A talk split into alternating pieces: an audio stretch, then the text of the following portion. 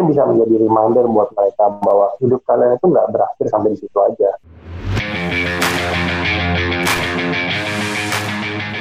Hai, gue Dara. Aku Ami. Dan ada Ugi di sini. Dan kalian lagi dengerin podcast Oke, Psychotic. Pas tuntas, Mental. Olahraga. Oke, gimana nih Ge kabarnya kali ini? Ya, baik-baik aja sih. Aku sih masih work from home nih, Mbak Mi. Mbak Mi gimana kabarnya? Sama, masih work from home juga, belum sering-sering keluar. Bahkan untuk olahraga juga eh, cuma di kompleks-kompleks aja, belum ke gym lagi. Gym belum buka juga ya. Hmm. Jadi ya udah olahraga di rumah aja. Mhm, betul. Mbak Mi sehat-sehat aja kan ya sekarang? Alhamdulillah sehat. Good, good. Yo, yo, yo, Sobat Gerak. Gimana nih? Semoga nggak cuma Mbak Mi doang yang sehat. Kalian juga sehat-sehat semua ya. Since tadi kan kayak gue udah bilang, kita lagi new normal juga nih sekarang gitu. Oke, langsung aja. Untuk episode kali ini memang agak unik nih. Daripada episode-episode sebelumnya. Eh, namanya itu balik layar olahraga. Nah loh, kenapa nih balik layar? Jadi, bre, konsepnya kenapa di balik layar itu, karena kami yakin sih di hidup itu bakal ada dua sisi. Jadi nggak cuma bagus-bagus aja tuh. Ada juga jeleknya, ada juga retaknya. Begitupun juga sebaliknya. Jadi hidup itu nggak selamanya jelek-jelek, pasti ada bagus-bagusnya juga. Kali ini kami ngobrol bertiga, tapi nggak sama Dara. Ya nggak? Iya, Darak mana nih? Gantinya siapa nih Ge? Ini ada penggantinya Dara nih untuk sementara. Jadi untuk episode kali ini kami mengundang salah satu merhati olahraga. Beliau juga penggiat olahraga, atlet juga, sob.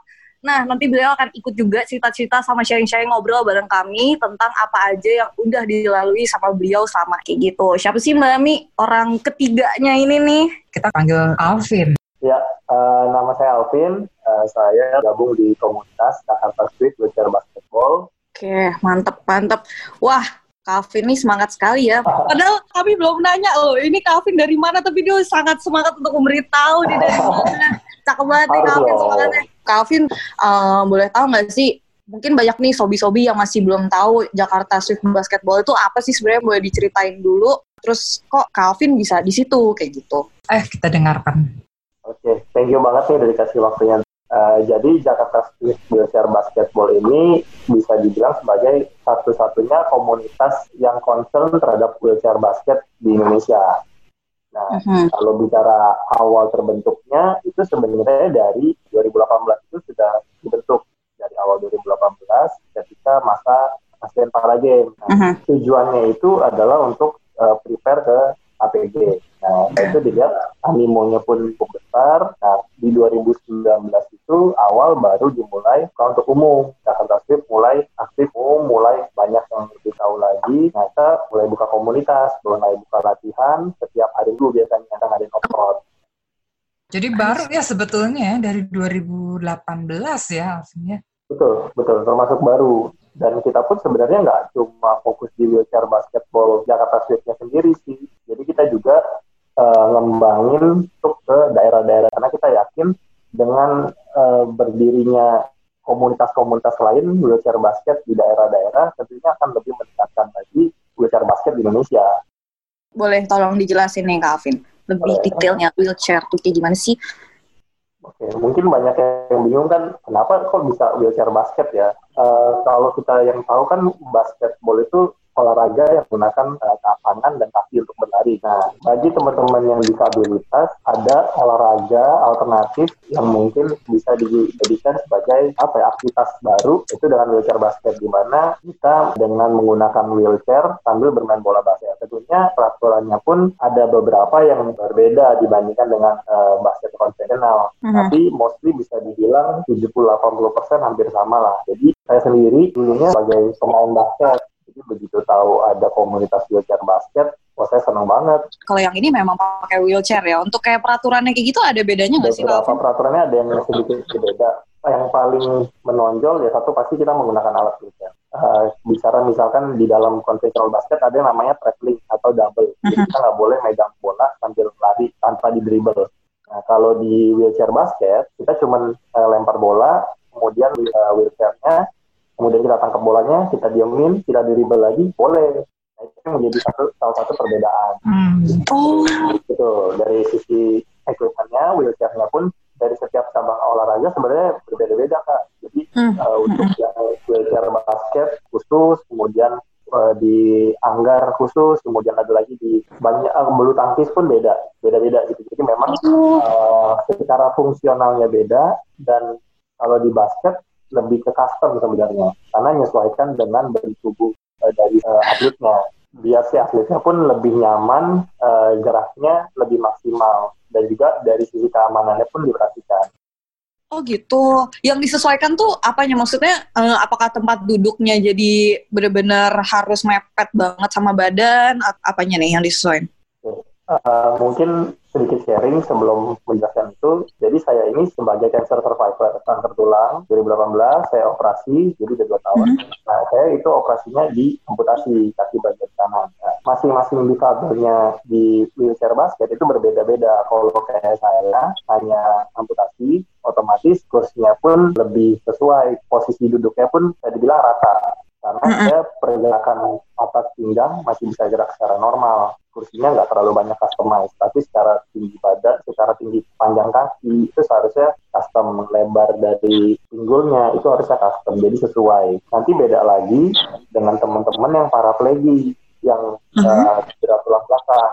Posisi duduknya itu mereka harus ada sedikit lebih menurun belakangnya itu pantatnya itu agak menurun, jadi membuat dia lebih aman. Oh gitu ternyata. I see. Berarti memang harus custom ya. Bahkan kalau nggak custom, nggak menyesuaikan bisa memungkinkan ada cedera lagi ya. Jadi cedera tambahan ya. Justru itu bahaya ya. Dibikinnya di mana itu Alvin? Maksudnya kursinya itu ada di Indonesia dibuatnya.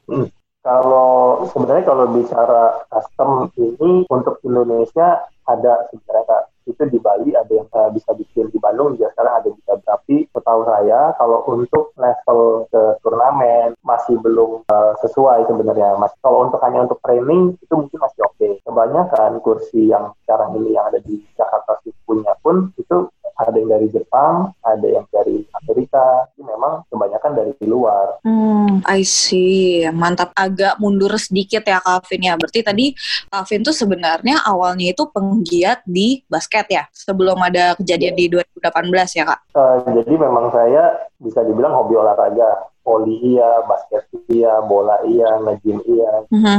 Uh, beberapa tahun belakangan itu dari 2000 2016an itu saya mulai uh, aktif lagi basket. Jadi kuliah, sempat keluar kuliah, sempat nggak basket berapa lama, mulai basket lagi sama teman-teman tiap malam tuh mulai rutin tuh dua kali main. Nah itu sering kita main basket sama teman-teman dari Oh. 2018 kejadian. Boleh tahu nggak sih Kak, kenapa basket sih?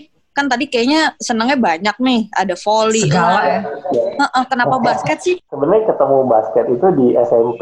SD itu Ah. saya main bola sama teman-teman. Terus SMP teman-teman hijrah ke basket. Ya, saya ikut ikut main basket. Ternyata senang gitu main di basket. Kayaknya fun banget gitu di basket. Barulah dari SMP sampai SMA main basket. Di waktu itu juga sempat direkrut sama uh, tim pola untuk main di volley. Jadi bantu. Makanya jalan-jalan dulu ya.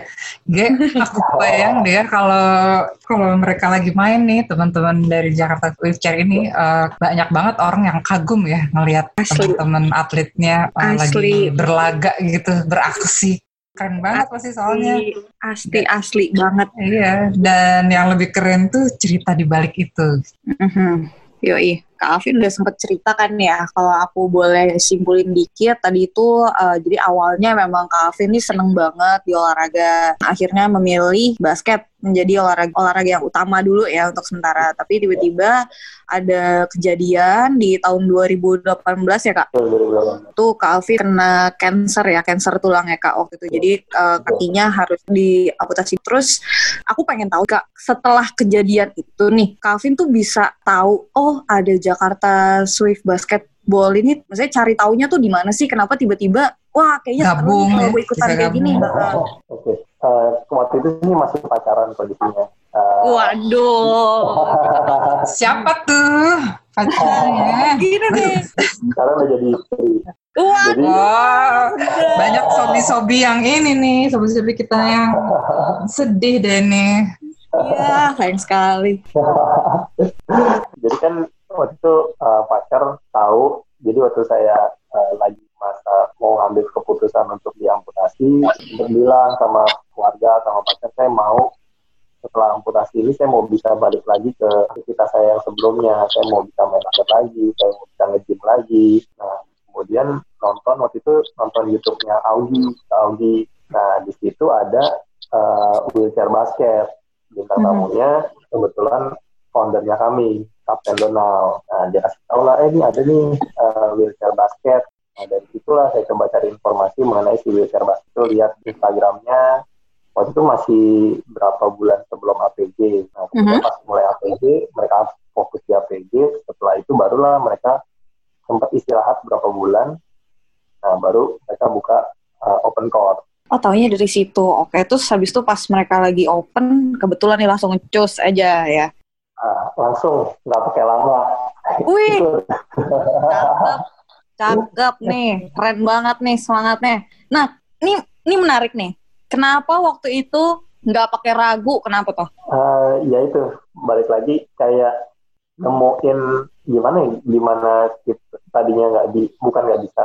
Uh, saya juga sempat sebelum main di wheelchair basket sempat main juga di basket konvensional lagi setelah amputasi. Mhm. Memang secara kalau dibilang bisa, ya bisa. Cuma mungkin karena kompetisinya dengan uh, teman-teman yang normal, jadi mungkin agak lebih berat di saya. Nah, kemudian begitu diinformasikan bahwa di kalau nggak salah itu di bulan Februari deh Februari Jakarta Swift ada open court oh, udah Mhm. langsung nggak pakai lama wah gue pengen nyobain nih uh, belajar basket ini kayak nemuin emas gitu kan kayak nemuin berlian gitu Waduh, gila. power yang nggak bisa yang tadi yang mau main basket lagi pengen lagi dulu deh karena kayaknya komputer terlalu berat gitu kan terus Mm-mm. gitu kan banget happy banget Jadi justru malah makin semangat banget ya. betul betul kayak jadi gimana ya satu penasaran cara mainnya wheelchair itu seperti apa kedua Mm-mm. ya aduh pengen jadi beraktivitas kayak biasa lagi gitu fokusin pikiran ke bahwa akan bisa lagi main basket setelah amputasi itu eh, berarti banget ya, Alvin? Eh, ya ya ya itu menjadi satu apa ya mungkin dari dari awalnya memang saya fokusin ke situ sih kak. Jadi memang di, eh, sebelum amputasi itu saya mencari informasi gimana caranya saya bisa balik lagi ke aktivitas saya yang seperti biasa. Mungkin nggak 100% seperti biasa. Yang mungkin saya suka jogging juga suka lari mungkin sekarang jadi agak keterbatasan. Gitu tapi paling nggak bisa mendekati 90% dari awal saya memang udah coba fokusin gue harus bisa balik lagi ke dulu Wah, keren banget ya. Keren banget, gila. Dan apa jarang banget lah ada orang yang maksudnya berpikir misalnya pas mau diamputasi itu berpikir bahwa ada apa ya ada ke- kehidupan yang menyenangkan setelah kejadian diamputasi itu uh, Alvin. Sebelum pikiran itu muncul apa tuh yang Alvin rasain sebelum sampai ke situ gitu? sebelum sampai di tahap itu sebenarnya ya mungkin kayak orang normal juga sih kak. Jadi kayak pasti ada bertanya eh, bertanya-tanya kenapa sih saya berpikir kok kenapa saya? Gitu. Sempat pasti ada pertanyaan seperti itu normal. Menurut saya ya normal lah. Da- di situ saya berpikir kalau saya bertanya-tanya terus kenapa saya? Kenapa saya? Nggak saya nggak akan menyelesaikan permasalahan yang ada. Jadi saya berpikir gimana caranya saya menyelesaikan masalah saya ini? Keren banget ya. Ada orang lain yang uh, kayak bantuin Alvin sampai ke pemikiran yang positif tadi itu? Eh, kalau saya ya pasti kalau bicara eksternal dari lingkungan sekitar dari keluarga dari pasangan yang memang support. Tapi kalau dari kitanya sendiri nggak mau bangkit nggak mau eh, untuk maju nggak akan bisa gitu. Jadi kalau bagi saya pribadi saya menilainya adalah untuk menyelesaikan semua masalah yang ada adalah harus dari diri kita sendiri awalnya dari kita diri kita sendiri sudah oke gue mau fight gue mau maju begitu kita berpikir seperti itu dan yang lain lingkungan kita mensupport itu akan menjadi snowball effect ya jadi kayak makin lebih eh, semangat lagi gitu kalau menurut saya sih seperti itu Ya terharu banget nih aku dengerinnya Ge. Sama, sama. Aku juga, aku langsung kayak tiba-tiba mikir sendiri gitu. Wah, mantep. Maksudnya yang bedain orang yang berhasil atau enggak tuh bukan karena dia nggak pernah jatuh, tapi Mm-mm. karena dia bangkit lagi. Gitu enggak? Iya. Ya. Ini sih, aku kaget banget dan aku apresiasi banget sih sama Kavin. Bisa gitu ke-trigger untuk mikirin, oh ini masalah emang harus dari diri gue sendiri dulu nih. Kita bener-bener harus maju lagi nih. Wow, keren banget. Karena kan gaya hidupnya kan jadi berubah ya kak ya. Dari yang super aktif, tiba-tiba ada kejadian yang nggak disangka juga, terus langsung berubah kan gaya hidupnya juga kan kayak. Betul, betul. Nah, jadi ya hampir bisa dibilang sih memang iya berubah, ya berubah. Terkadang ya itu balik lagi saya karena saya pengen aktif lagi. Kadang kayak orang-orang sekitar terus selalu mengingatkan tidak udah jangan terlalu capek-capek lah lihat kondisi Mhm. gitu loh. Karena kan kalau dibandingin sama dulu ya mungkin lu bisa lebih aktif lah. Tapi kalau sekarang bukannya membatasi lu jadi nggak boleh aktif, tapi Mm-mm. ya lihat-lihat lah. Nah, udah Vin, lo nggak usah capek-capek lah. Apa sih yang Kak Vin pikirin pada saat ada orang yang ngomong kayak gitu gitu ke Kak Vin? Yakin aja sih sebenarnya.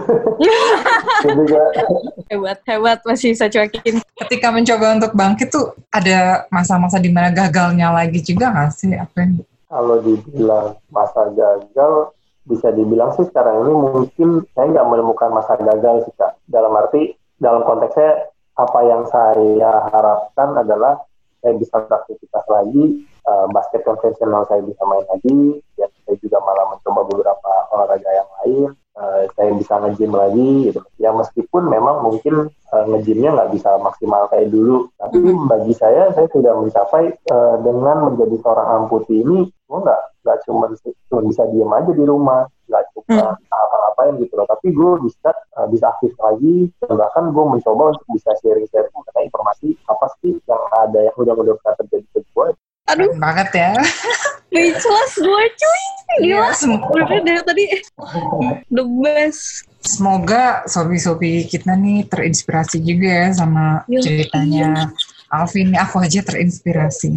Terus terus Calvin kayak sekarang ini goalnya apa sih? untuk goalnya sebisa mungkin sekarang kayak mau eh, sharing kayak sebenarnya saya juga ada eh, YouTube channel Mhm. karena lebih memang ke sharing informasi mengenai kehidupan sebagai putih, kemudian mungkin sharing-sharing informasi mau cari kaki palsu itu di mana atau mungkin happy lifestyle seperti apa lebih ke arah sana sih. Jadi pengennya bisa membantu banyak orang lagi sih. Mantap. Kalau di olahraganya sendiri eh, ada goal nggak sih di depannya? Kalau di olahraganya sendiri eh, harapannya sih pengen bisa sih kalau diizinkan gitu kalau bisa bisa masuk ke timnas untuk eh, wheelchair basket. Amin. Amin. Amin. Didoakan, didoakan. Tapi sih yang pengen bener-bener yang diharapkan banget sih sebenarnya tak sebisa mungkin adalah komunitas dari wheelchair basket ini tersebar di seluruh Indonesia. Yang nantinya kita juga membangun eh, tim wheelchair basket di Indonesia. Terharu aku. Keren banget. Boleh tahu nggak Alvin sebutin tiga nilai aja yang jadinya membangkitkan semangat hidupnya Alvin? Maksudnya karena nggak mudah ya untuk dilewatin gitu. Pertama sih harus bisa menerima kondisi dulu kak. Pertama satu kita harus bisa menerima kondisi, kemudian harus berpikir positif biar kita bisa fokus untuk nyelesain permasalahan yang ada. Jadi kalau misalkan tiga hal itu tak nggak ada, eh, menurut saya jadi kayak agak sulit juga sih untuk menyelesaikan permasalahan dalam hidup kita ya. Berarti eh, Ge, kalau ada orang yang ketika jatuh kebutuhan untuk bangkit itu atau yang kita bilang resiliensi itu, yaitu yang tadi Alvin bilang salah satunya ya bahwa Iya. perlu banget nerima kondisi yang ada sekarang gitu. Karena ternyata kondisi yang ada pun pasti terbatas, tapi tetap ada yang masih bisa dilakukan ya Alvin ya. Kayak berolahraga atau tetap bergiat itu kan kayaknya hal yang penting banget kalau tadi da- eh, lihat dari ceritanya Alvin tuh. Dan itu tetap bisa dilakukan ternyata setelah eh, amputasi pun gitu ya. Ketika itu terpenuhi, jadinya ya udah bisa diterima gitu kali ya. Alvin. Betul, betul. Jadi memang pertama ya itu harus kita nerima dulu deh. Kita udah nerima lapang dada. Jadi kita bisa berpikir lebih positif lagi. Terkadang kan kita kayak mungkin makanya ada ada yang bilang mungkin ketika kita marah jangan ambil keputusan. Dan ketika kita lagi senang pun jangan mengambil keputusan juga. Nah, mungkin itu yang saya lihat ketika kita terima kondisi apa pun yang terjadi dalam diri kita, kita bisa berpikir lebih jernih lagi. Keputusan apa nih yang saya harus ambil? Yang mana yang terbaik buat saya? pasrah ya. Buat terima itu aja udah susah banget ya. Itu perjalanan panjang tuh dan Asli, pasti. aduh itu hatinya terbuat dari apa ya? Makannya apa ini? Aku bisa sulit itu hatinya eh. Untuk proses menerimanya pun Kak waktu itu butuh berapa lama sih kalau boleh tahu? proses terimanya sebenarnya bisa dibilang cukup cepat sih dalam arti mungkin kalau bicara panjang secara keseluruhan kota karena kan memang saya pengobatan juga dari mulai Oktober sampai bulan April itu saya dinyatakan uh, cancer gitu. Ya perjalanan dari Oktober sampai April itu ya tentunya kita berharap yang uh, yang terbaik lah dalam arti itu saya sempat di posnya TND tulang saya cuma bisa berharap eh semoga jangan TND tulang ternyata uh, hasilnya hmm. berkata lain nah, hmm. itu saya uh, kanker tulang nah dari setelah diinformasikan kanker tulang itu dokter sudah infokan pilihannya cuma dua tuh waktu itu nah hmm. uh, waktu itu malam-malam saya ditemenin sama mama terus dokter kasih tahu juga seperti itu sebenarnya uh, at that time dokter itu ngasih tahu kepilihan cuma dua itu saya selama itu udah berpikir oh kayaknya saya bakal ngambil keputusannya amputasi tapi mm. saya juga masih masih kondisi itu saya masih berpikir mungkin bisa dibilang 70-80 persen saya akan mm -hmm. karena pada saat itu saya juga melihat kondisi mama saya uh, ya saya juga shock. Mama saya juga shock mendengar itu. Saya lihat mama saya juga wah kayak kayak pucat gitu lah. Mm kemudian uh, ketika di lift mau pulang orang tua nangis sama mama nangis saya juga ikutan jadi sedih juga gitu. Saya mau ngelakuin malah saya juga jadi ikutan sedih. Perjalanan dari situ saya sempat cekap keluar juga. Harapannya masih berpikir semoga hasilnya itu uh, sama seperti yang di Indonesia. Mungkin hasilnya uh, bukan cancer gitu. Kan tapi kenyataannya enggak. Ya hasilnya ya sudah saya mau sudah putuskan dari awal saya mau diamputasi akhirnya orang tua pun bisa terima mama bisa terima pasangan juga bisa terima. Wow wow wow wow. Gila. Proses penerimaannya juga ini ya naik turun ya ternyata ya.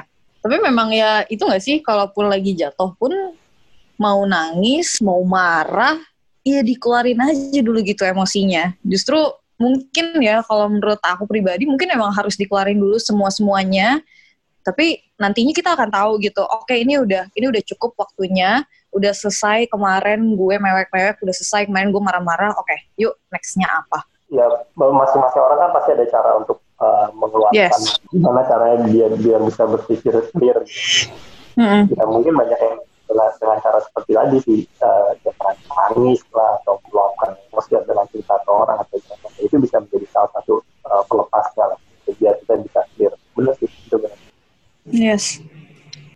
Gitu memang well setiap orang benar juga sih tadi Calvin bilang setiap orang sih beda-beda ya. Ada yang ada yang marah, ada yang ada yang marah nyampe murka banget, ada yang nangis, nangis sampai parah banget, ada juga yang macam-macam sih setiap orang tuh punya cara yang masing-masing. Bahkan bisa aja ada orang yang sebenarnya dia marah tapi yaudah dia ketawa aja dulu gitu. Dia berbeda senang dulu ada sih yang kayak gitu. Cuman kan lagi-lagi tergantung orang ya Mbak Mia. Iya, makin cepat accept ya, menerima, makin cepat bisa ber ini ya, bertindak. Tapi ketika mm -hmm. masih lari-larian tuh denial, karena apalagi ini cancer ya, Alvina dia berpacu dengan yeah. waktu kan. Ketika masih betul. denial, denial, denial, nggak ada tindakan biasanya itu yang parah gitu. Ya, betul. Banyak banget sih kak yang memang bisa dibilang terlambat lah, terlambat mengambil keputusan karena uh, mencoba beberapa alternatif yang terlalu lama atau mungkin berpikir mengambil keputusan yang terlalu lama karena belum bisa terima itu yang terkadang membuat yang menjadi lebih parah gitu loh. Makanya terkadang uh, ya itu balik lagi boleh saja sah saja dengan meluapkan emosinya, tapi mungkin kita harus tahu waktu juga. Dalam arti ya mungkin kita bicara secara umum deh kan kayak putus cinta lah ya yang paling gampang. Mau sampai kapan bisa bisa terus dengan ikut sama pacar gitu kan? Jadi kita harus ada waktunya misalnya satu hari dua hari setelah itu udah go ahead kita hidup biasa lagi kita cari sesuatu yang lebih baik lagi kalau saya sih berpikir mungkin seperti itu Gila, keren banget ya. Nah, ada, sampai pada di titik ini nih sekarang Alvin, gimana Alvin melihat kehidupan Alvin yang sekarang? Melihat kehidupan yang sekarang, saya jauh jadi lebih bersyukur sih. Pertama, saya jadi melihat bahwa dengan orang-orang yang mungkin difabel seperti saya, tetap punya satu hal yang mungkin mereka punya spirit yang luar biasa bahwa teman-teman yang lain yang difabel mungkin punya semangat yang jauh lebih bagus lagi daripada saya yang bisa menjadi percontohan bagi orang-orang banyak. Jadi eh, saya berpikir saya bersyukur banget dengan saya mendapatkan kondisi seperti ini. Saya bisa menjadi salah satu dari mereka. Saya bisa menjadi percontohan buat mungkin teman-teman saya yang lagi lagi down atau lagi kena masalah apa atau mungkin yang bisa yang mengalami hal seperti saya, saya bisa menjadi reminder buat mereka bahwa hidup kalian itu nggak berakhir sampai di situ aja. Itu hanya baru ada permasalahan satu yang harus kalian segera selesaikan. Untuk depannya kalian menjalani hidup kalian lebih baik lagi. Jadi saya berpikir, saya berterima kasih dengan kondisi seperti ini. Wow. Short banget ya, sorry banget. Gue gak fokus. Gila, gue bener-bener pengen nangis banget sih. Gila, the best banget lo, Kak. Duh. Tadi mudah-mudahan hobi-hobi kita tuh bisa menangkap ceritanya Alvin tadi ya. Ada tiga hal yang bisa bikin orang bangkit lagi tuh. Menerima, fokus, sama berpikir positif ya. Ya, betul, betul. Gitu ya. Dan itu kan sejalan juga tuh, Ge, kalau ada Hmm. teori yang dari Dr. Catherine M. Conner ini dan Buset. Siapa Profesor tuh? Jonathan Davidson itu kan Buset. cerita Siapa tuh? kalau bilang kalau resiliensi itu emang dibentuk dari kemampuan beradaptasi gitu kan Mhm. sama kejadiannya. Saya dari tadi misalnya yang apa, kehilangan kaki jadi sekarang harus ah, ber- beraktivitas ya dengan satu kaki. Terus kemudian juga kemampuan untuk berhubungan dengan akibat yang ditimbulkan. Terus kemampuan mengatasi stres. Karena kan pasti stres banget ya, Vin, ya. Eh, Ya, ada ada dua hal sih yang dihadapin kan uh, stresnya apa uh, ke- cancernya sendiri dan amputasinya. Jadi ada dua. Terus kemampuan ber- tetap berpikir jernih atau fokus yang tadi Alvin sampaikan. Juga kemampuan untuk tidak putus asa menghadapi kegagalan. Karena kan pasti nyobanya nggak sekali langsung just langsung bisa main basket di wheelchairnya ya. Betul. Terus terakhir Betul. kemampuan kemampuan menghadapi perasaan-perasaan yang gak menyenangkan. Tadi marah lah sakit hati atau tadi bertanya-tanya kenapa aku gitu terus belum sedih-sedihnya kali ya itu udah enam tiga di antaranya udah Alvin miliki dan itu udah cukup membuat bangkit ya Oke. Calvin, tadi kan kita udah ngomongin tentang ini ya, perlombaan dan segala macam. Ngomong-ngomong lomba nih, lagi pandemi kayak gini, jadi kan memang belum dulu ya untuk lapangan kan? Atau malah nggak diadain gara-gara kayak gini. Terus latihan juga mungkin sulit ya. Nah, dari Calvin sendiri punya nggak sih tips-tips gitu yang mau di-share nih ke sobat-sobat gerak dalam masa-masa kayak gini atau mungkin teman-teman di Jakarta Swift juga kalau dengerin Kak Alvin di sini mungkin bisa terinspirasi wah benar juga ya Alvin kenapa nggak gue lakuin ini juga di rumah Balik lagi dengan kondisi yang sekarang PSBB mungkin masih ada beberapa yang uh, WFH di rumah aja, uh, mungkin yang sekolah juga uh, masih belum sekolah ya. karena dengar-dengar Desember ya kemungkinan baru mereka sekolah. Uh, mungkin yang saya bisa kasih tips uh, dari sisi olahraga dari sisi kesehatan di dalam kondisi seperti ini saya juga tetap masih jaga uh, kondisi tubuh gitu. Tapi kalau saya sih saya menggunakan ada namanya apa ya namanya weight band gitu. Jadi kayak biasanya dipakai buat uh, yoga. Jadi kita ada satu karet gitu. Itu bisa buat latihan uh, bisa sambil push up. Satu alat aja udah bisa membantu kita untuk olah, uh, melatih semua otot gitu. Hampir semua otot.